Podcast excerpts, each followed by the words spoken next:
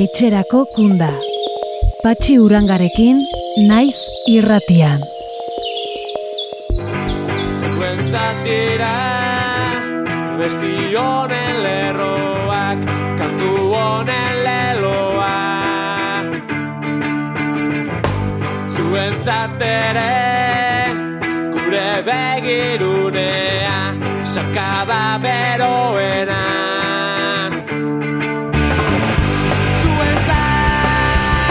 Kaixo entzule, eta ongi etorri etxerako kunda saiora.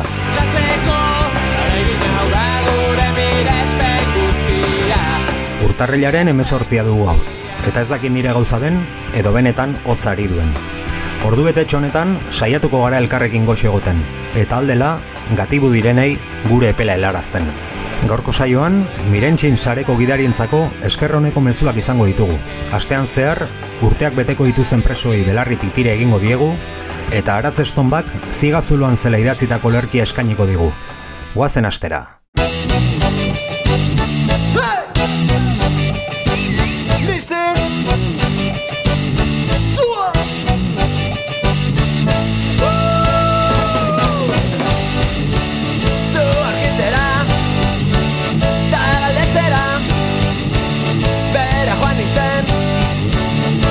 Gora ezin.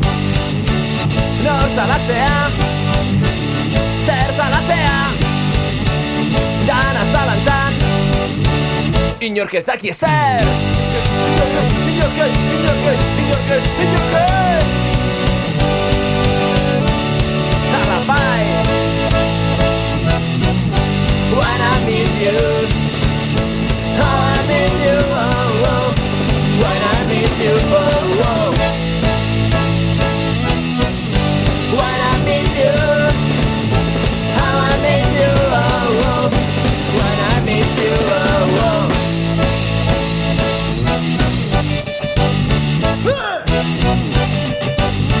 Missing When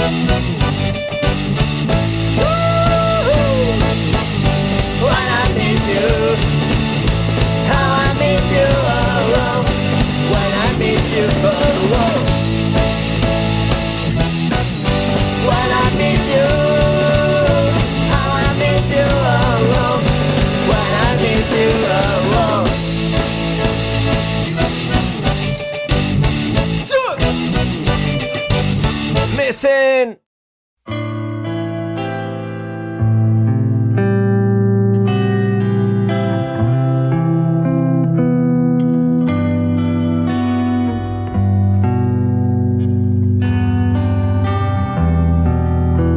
Arresien barruko aktualitateari dagokionean, aurreko saiotik ona ez da mugimendurik izan. Eta gatibu jarraitzen dutenen kopuruak bere horretan dirau, bisita eta bisa bisen etenaldiak bezala.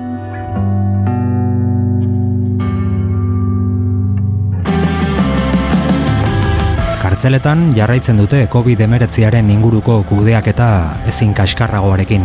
Horrela, gaur jakin dugu, atzotik, Iruñako espetxean, laugarren modulua erabat konfinatua dutela, berrogeita bi positiborekin.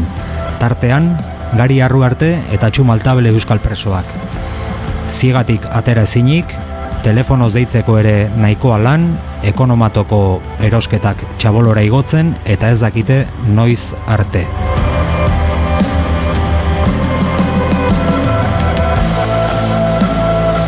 Justu, etenaldi horien aurka eta osasunerako eskubidearen alde, elkarretaratzea ditu duzarek datorren urtarrilaren hogeita zortzirako.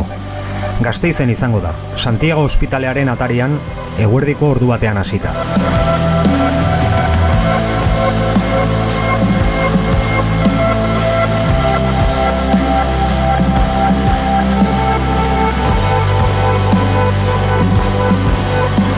Bost egun lehenago berriz, urtarrilaren hogeita iruan, Izadi gurasoekin etxera plataformak ekitaldia egingo du algortako txikita otagi plazan. Gogoan izan, egun horretan, hiru urte beteko dituela izadi txikiak. Eta honen bestez, amarekin egunean hogeita ordu egutetik, urtean guztira hogeita ordu zikustera pasako dela aurrerantzean.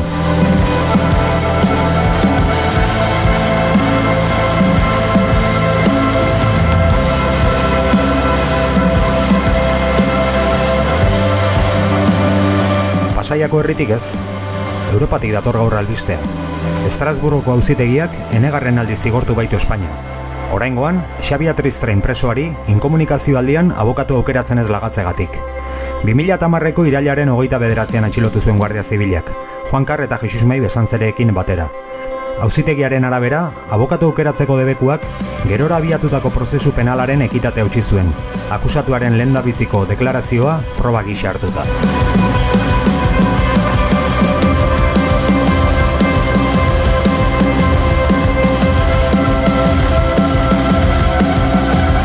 Euskal Herriko eundagoita idazle eta editorek adierazpen labur bat plazaratu dute eman bake izenburupean Mikel Albixuri babesa adierazteko.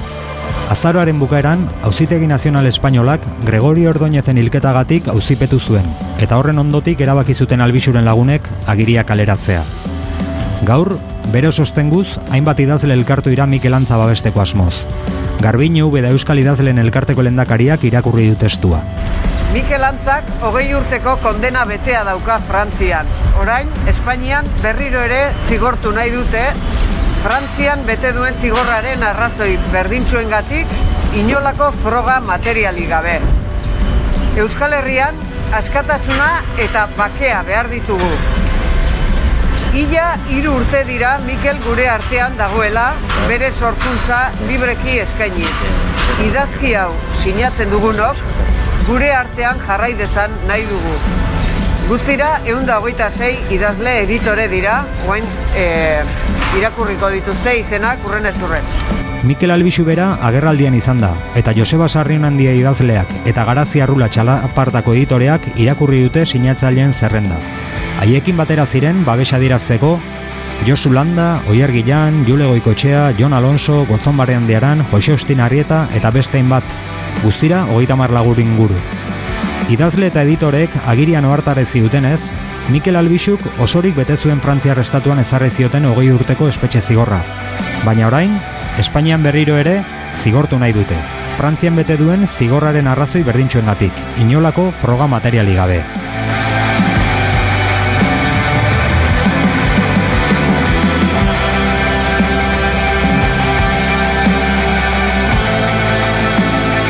Bi dokumental ere aipatu behar ditugu orain. Tipularen zehaska kantada bata.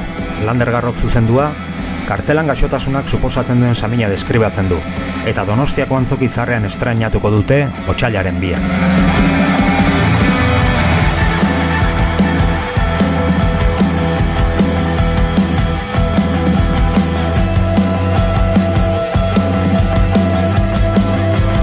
Dokumentalekin jarraituz, dirua biltzeko kanpaina abiatu dute Biarnas izeneko proiektua gauzatzeko. Torturari buruzko dokumentala izango da, eta iratxe zorzabal presoa eta bere ama Marine Diaz dira protagonistak.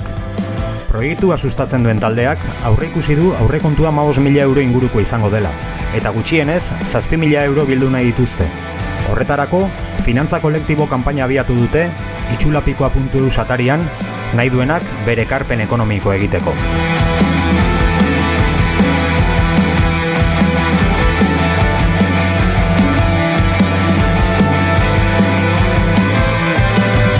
Ez ditugu aipatu gabe laganai, aste honetan zehar urteak bete edo beteko dituzten presoak.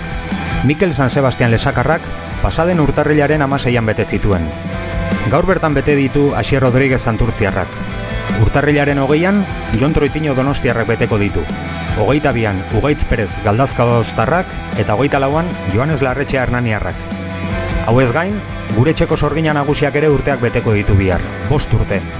Eta lizentzia hartu dut, uin hauetatik, bera eta munduratu zuen altxorra zoriontzeko. Eta biontzat oso berezia den abesti bat eskaintzeko. Xua, Izadi, Mikel, Ugaitz, Asier, Jon eta Joanes. Zuentzat, baderreli jonen moldaketa akustiko ederrau. Zorionak eta mila musu denei. Maite zaituztegu. Let me take you to the hurting ground Where all good are trampled down. Just to settle a bet that could not be won. Between a prideful father and his son. Won't you guide me now, for I can't see a reason for the suffering and this long misery. What if every living soul could be upright and strong? Well, then I do imagine there will be sorrow, and there will be sorrow,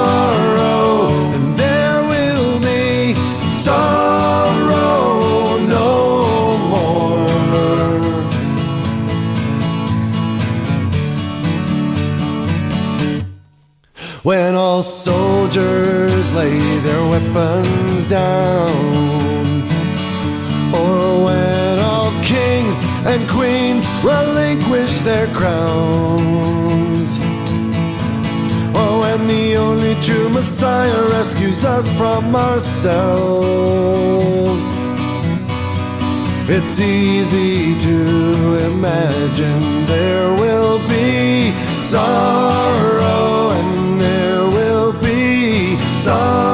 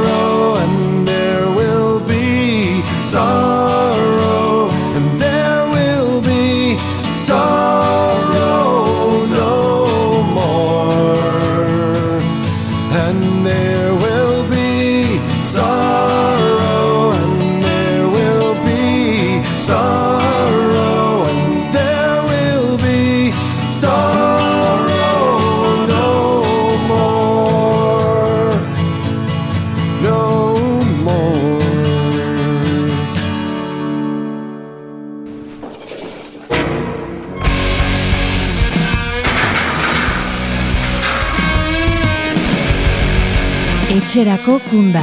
Patxi urangarekin, naiz irratia.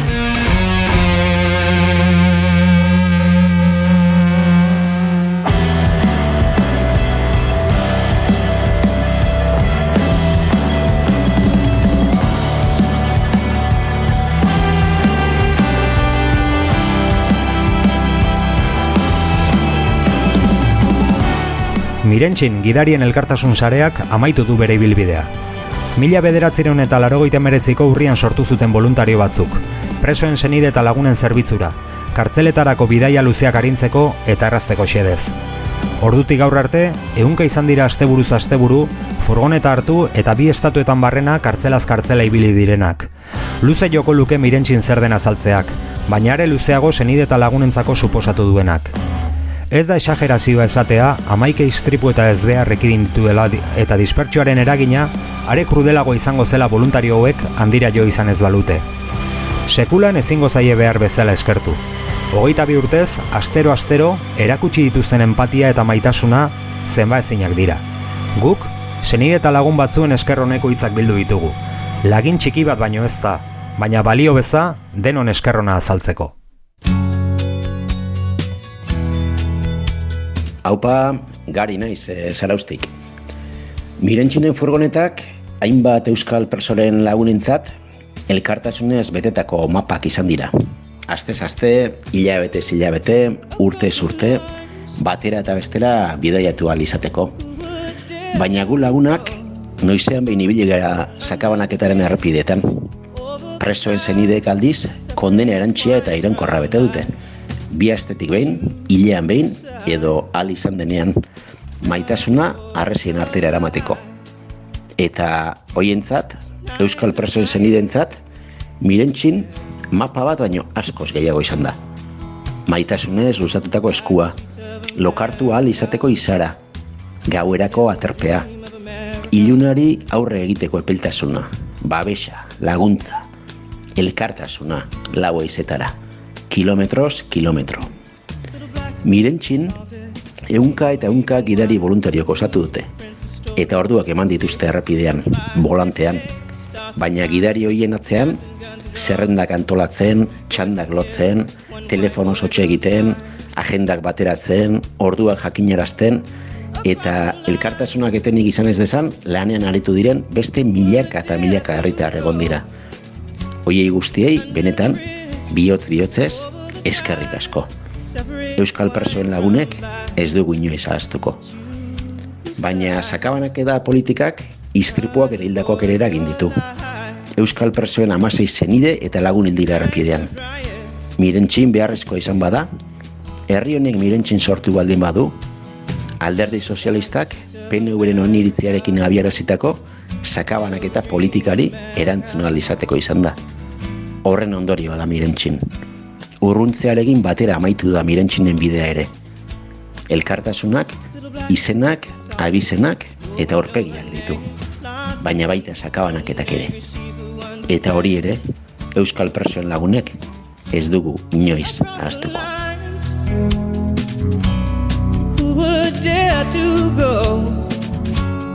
Under the bridge, over the tracks separates whites from blacks?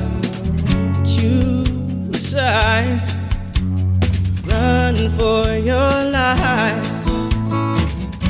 Tonight the riots begin. Back streets of America. A la matica envueltan, va baten Guardia Zibila guratzen, ba, bueno, ba, e, gelditzeko, e, ba, mirentxinen furgonetak zein ziren, eta ja kontrolatuta ginen.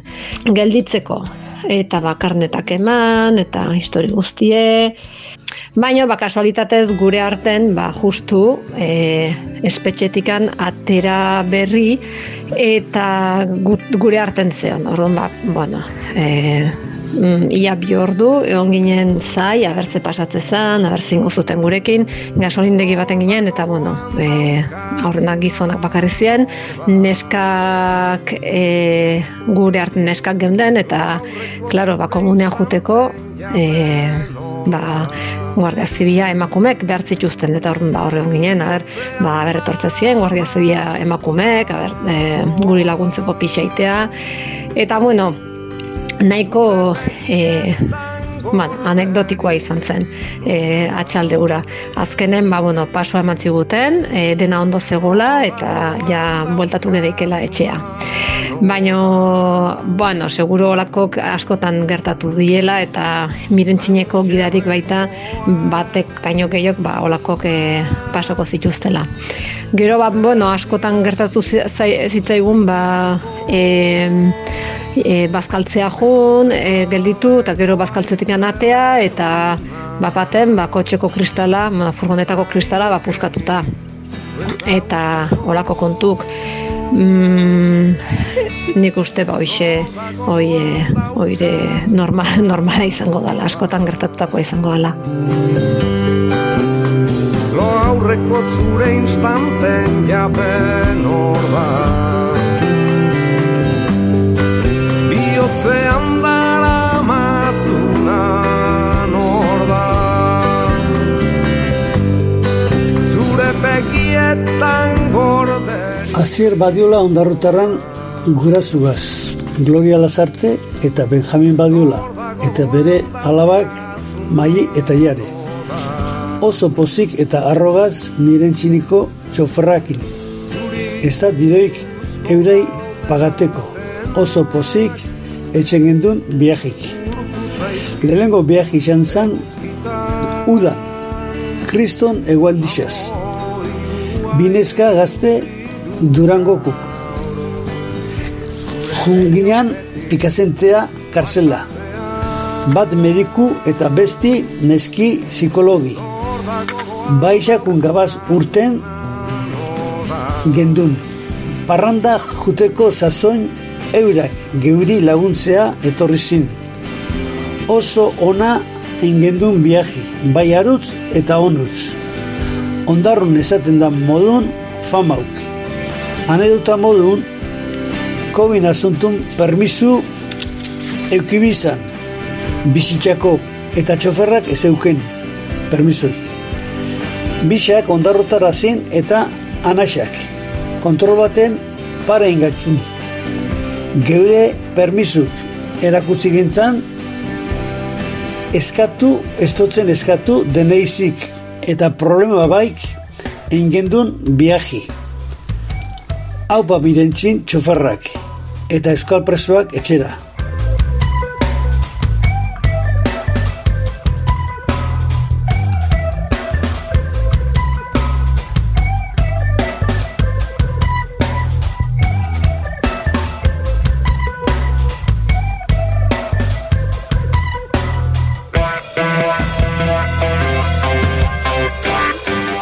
Mirentxinetaz, zer esan, uf, zorionez edo, edo eta zoritzarrez bidaiak egitea tokatu zaigunok ondotxe dakigu zer ekarpen itzela egin duten.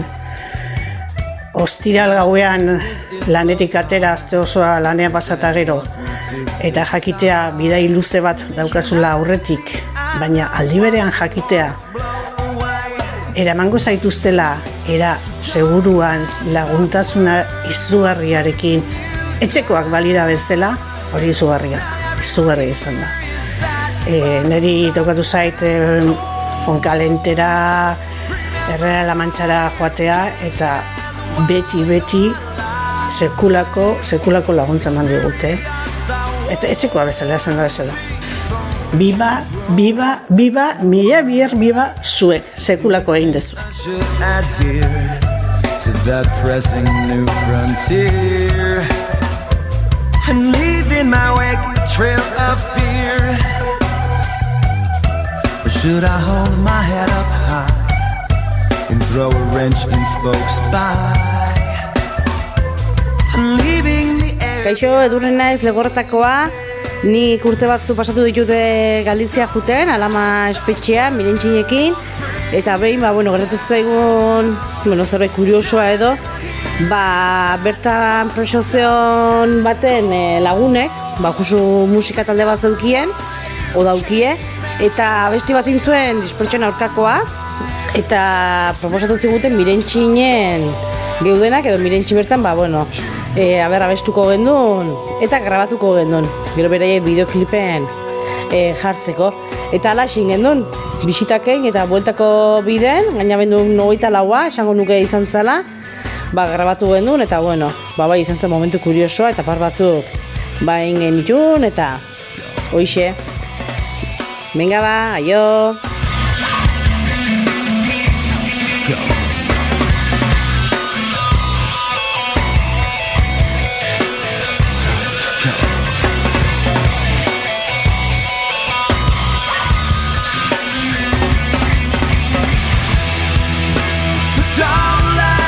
Dueñas espetxetik iritsi berritan ari naiz mezu hau egiten. Egunez etxetik atera, bisita egin eta egunez etxera itzuli. Hau gaur egun normalagoa da, baina azken hogeita hamar luzeetan horrelako bidai gutxi egin ditugu egia esan. Asko kilometro luzeetakoak egin behar izan ditugu. Penintxularen beste puntara joateko, asteburu osoa ere behar izan dugu. Eta Andaluziako muturreko kartzelen kasuan, autobusak bide hori asko arindu du. Jende jatorra ezagutu, taldean aritu, elkarri babestu, oso lagungarria izan da.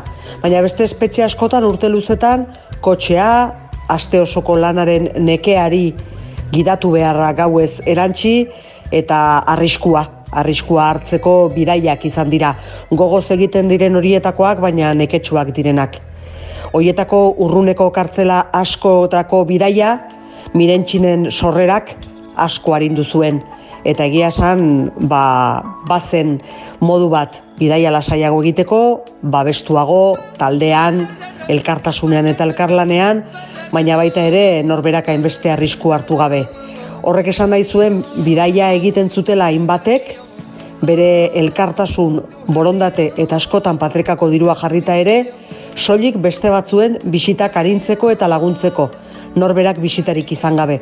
Hori izan dira guretzat mirentxineko gidariak, laguntzaileak, elkartasun seinaleak, eguna alaitzen zigutenak, eta gauza asko gehiago egia esan hitzez ezingo genuke esan, urte luze hauetan bidaietan aritu garen senide eta lagunentzat zer izan diren mirentxinekoak.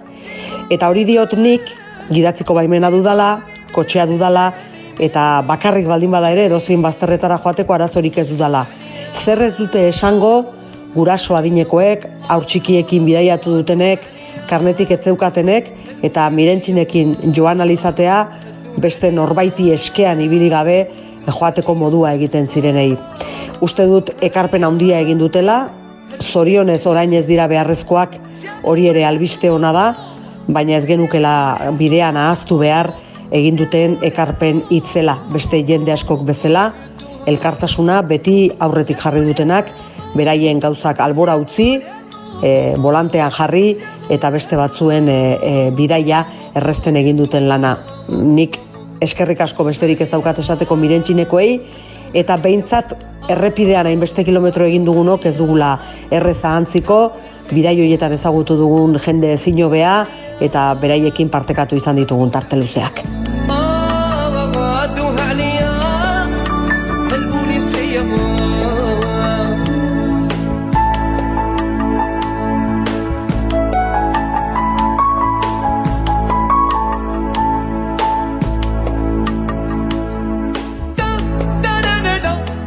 Mirentxinen bidaiak amaitu dira, eta zenbat eskertzeko. Eskermezuetara gehitu nahi dut, sortu zaidan gogoeta batekin. Akaso, gauzak behin amaituta errazago ikusten dugulako izan duten balioa. Itxiera honetan jakin dut nola sortu zen eta zergatik deitu zaion elkartasun ekimen honi mirentxin. Miren izeneko emakume bat eta bi alabak manu presoaren gana eramateko aitorrek hartutako iniziatibak eman zion, hain ezagun egin zaigun izena. Ez ustean, pertsonen zaintza emakumen bizkar gainean kokatzen duen sistema patriarkal honetan, eredugarri bilakatu zait miren txinen esperientzia. Miren manuren gana eramateko aitorrek hasitako sostengu ekimena. Espetxeetan, preso badira gizonezkoak eta emakumezkoak.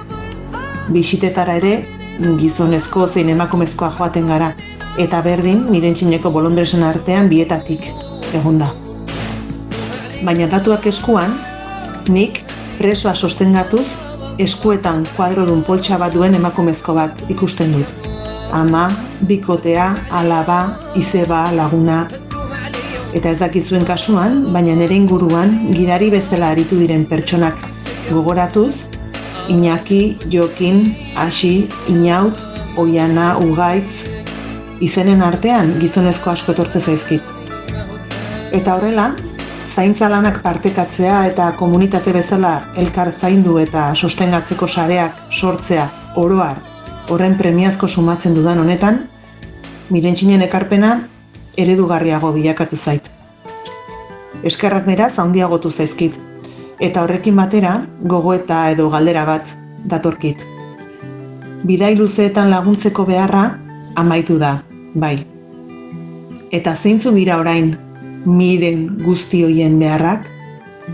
Komunitatean erantzungo diegu behar hoiei? Jarri belarriak eta irudimena martxan. Jarrai dezagun izaten ezberdin. Jarrai dezagun izaten herri. Eskerrik asko denei. sun when it starts to snow. Only know you love her when you let her go. Only know you've been high when you're feeling low. Only hate the road when you're missing home. Only know you love her when you let her go.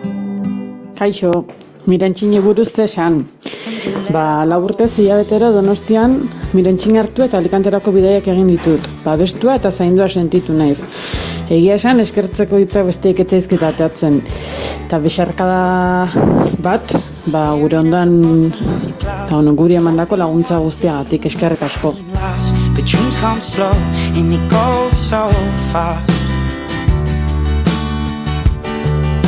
You see it when you close your eyes. Maybe one day you'll understand why everything you touch surely. Aupa mirentxin! Onenak zarete! Eskerrik asko guztiagatik! Miss the sun when it starts to snow. Only know you love her when you let her go. Only know you've been high when you're feeling low. Only hate the road when you're missing home. Only know you love her when you let her go. Staring at the ceiling in the dark. Same old empty feeling in your heart. Cause love comes slow and it goes so fast. Ondoren hauek ez dira esenide eta ez lagun, baina ez dute beraien agurra helarazteko aukera galdu nahi izan. Zuekin, Jose Mari, Carlos, Marina, Rosita eta Inigoren agurrak. No podemos conducir por ti. Y yo siempre pienso, ¿y quién te ha dicho a ti que quiero que conduzcas por mí?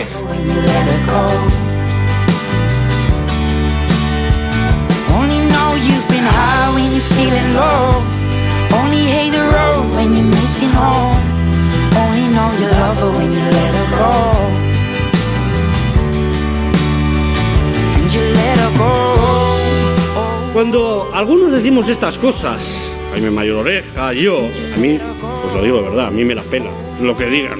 Yo soy, si sería, del Colacao Party, porque os lo voy a explicar. El Colacao, como sabéis, da mucha juventud, que eso está muy bien en alguna edad. Da mucha fuerza y da mucho vigor.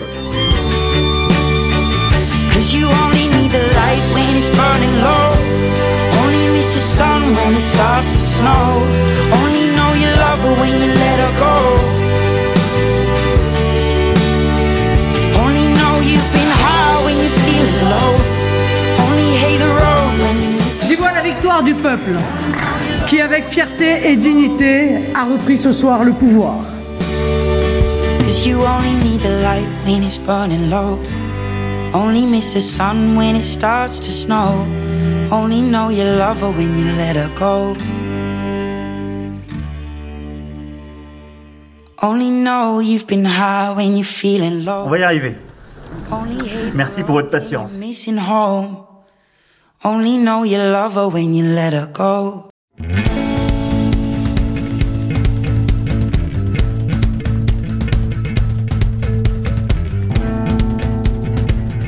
Me anticipo hoy pues, a darles las gracias a los miles de vascos que, de la misma manera que Unión Progreso y Democracia, no han dado la batalla por perdida y representan lo mejor de la resistencia democrática. Resistencia que es siempre para vencer.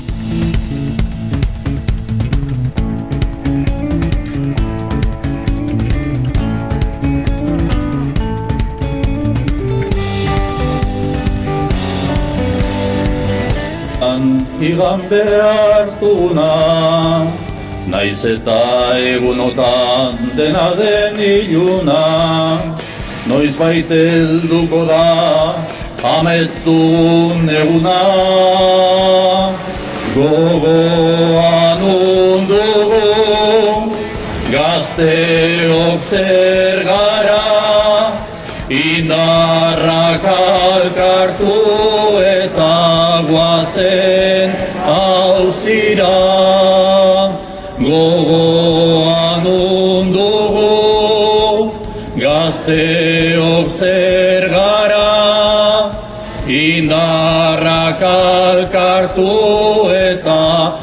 guazen hauzira.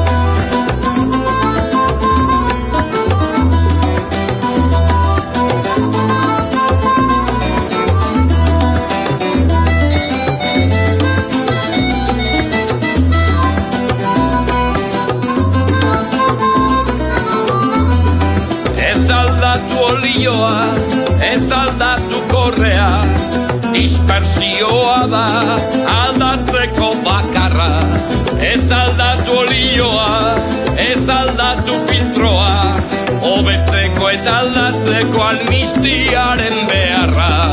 Euskaldun modun, Euskaldun modun, Euskaldun modun, elkartasun.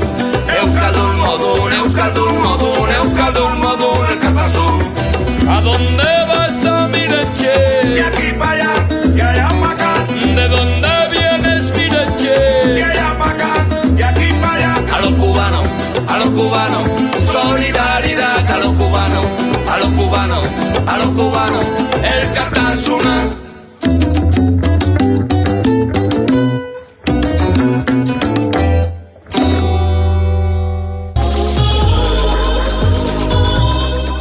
Etxerako kunda. Naiz irratian.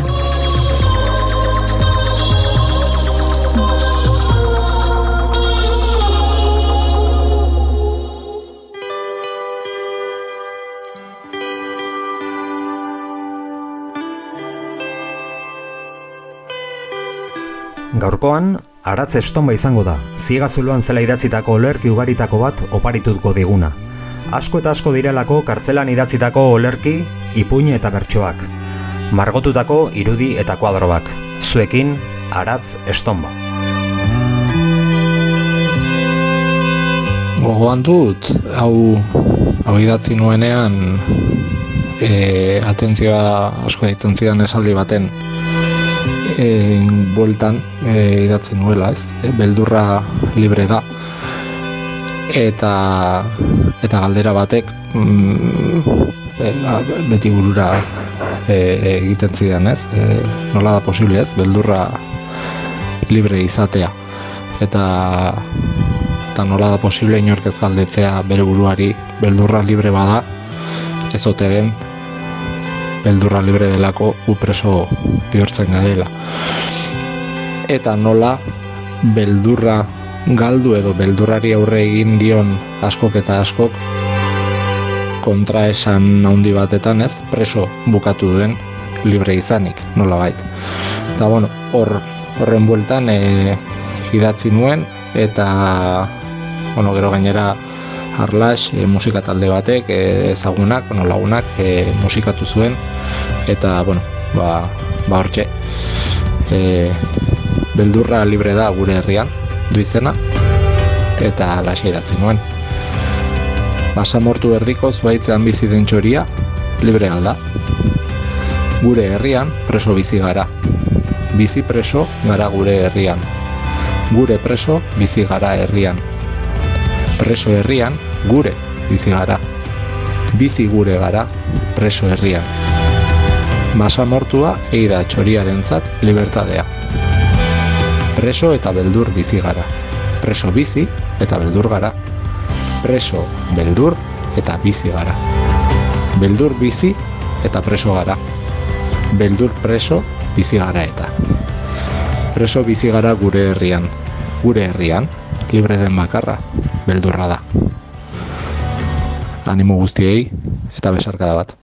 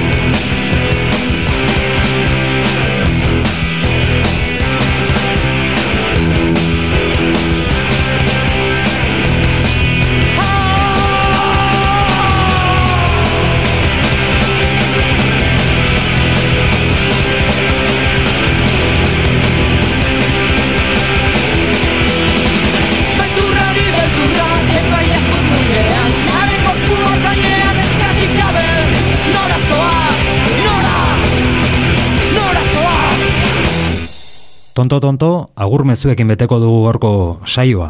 Garai bateko egin erratiaren eskatzea libre saio mitikoaren antzera, baina inbester iritsi gabe. Mirentxineko voluntarioentzako agurrak ez baitira jasotako bakarrak izan. Horrela, dueson gatibu dagoen Manes Castro bilabonatarrari, honako poema eskaini nahi diote ikaragarri maite duten lagun batzuek. Munstruaren ezurdura. Apika, norbaitek pentsa lezake paranoiko bat naizela, baina zeldako leiotik begiratuz gero, munstruaren ezurdura dakusat. Gure espetxea gutxi balitz, beste bat parean digute egin, eta jankiek, beren abioiekin, kriston zarat ateratzen dute. Gainera, inguretan dauden kuartel militarreko trompeta hotxak entzuten dira. Zoroetxetik hurbilez egotea da, gehien harritzen nauena. Iparraren poema hau, itzalpeko hautsak gartzelako literaturari buruzko monografikoan argitaratu izan zen, mila bederatzireun eta larogoita bederatziko ekainean. Duela goita mairu urte iaia. Eta Julio Kageta ermuko taldeak, bere garaian, kanta bat atera zuen letra honekin. Uraxe eskeniko diogu manesi, eta dueson dauden guztiei, gure besarkada estua bialtzearekin batera.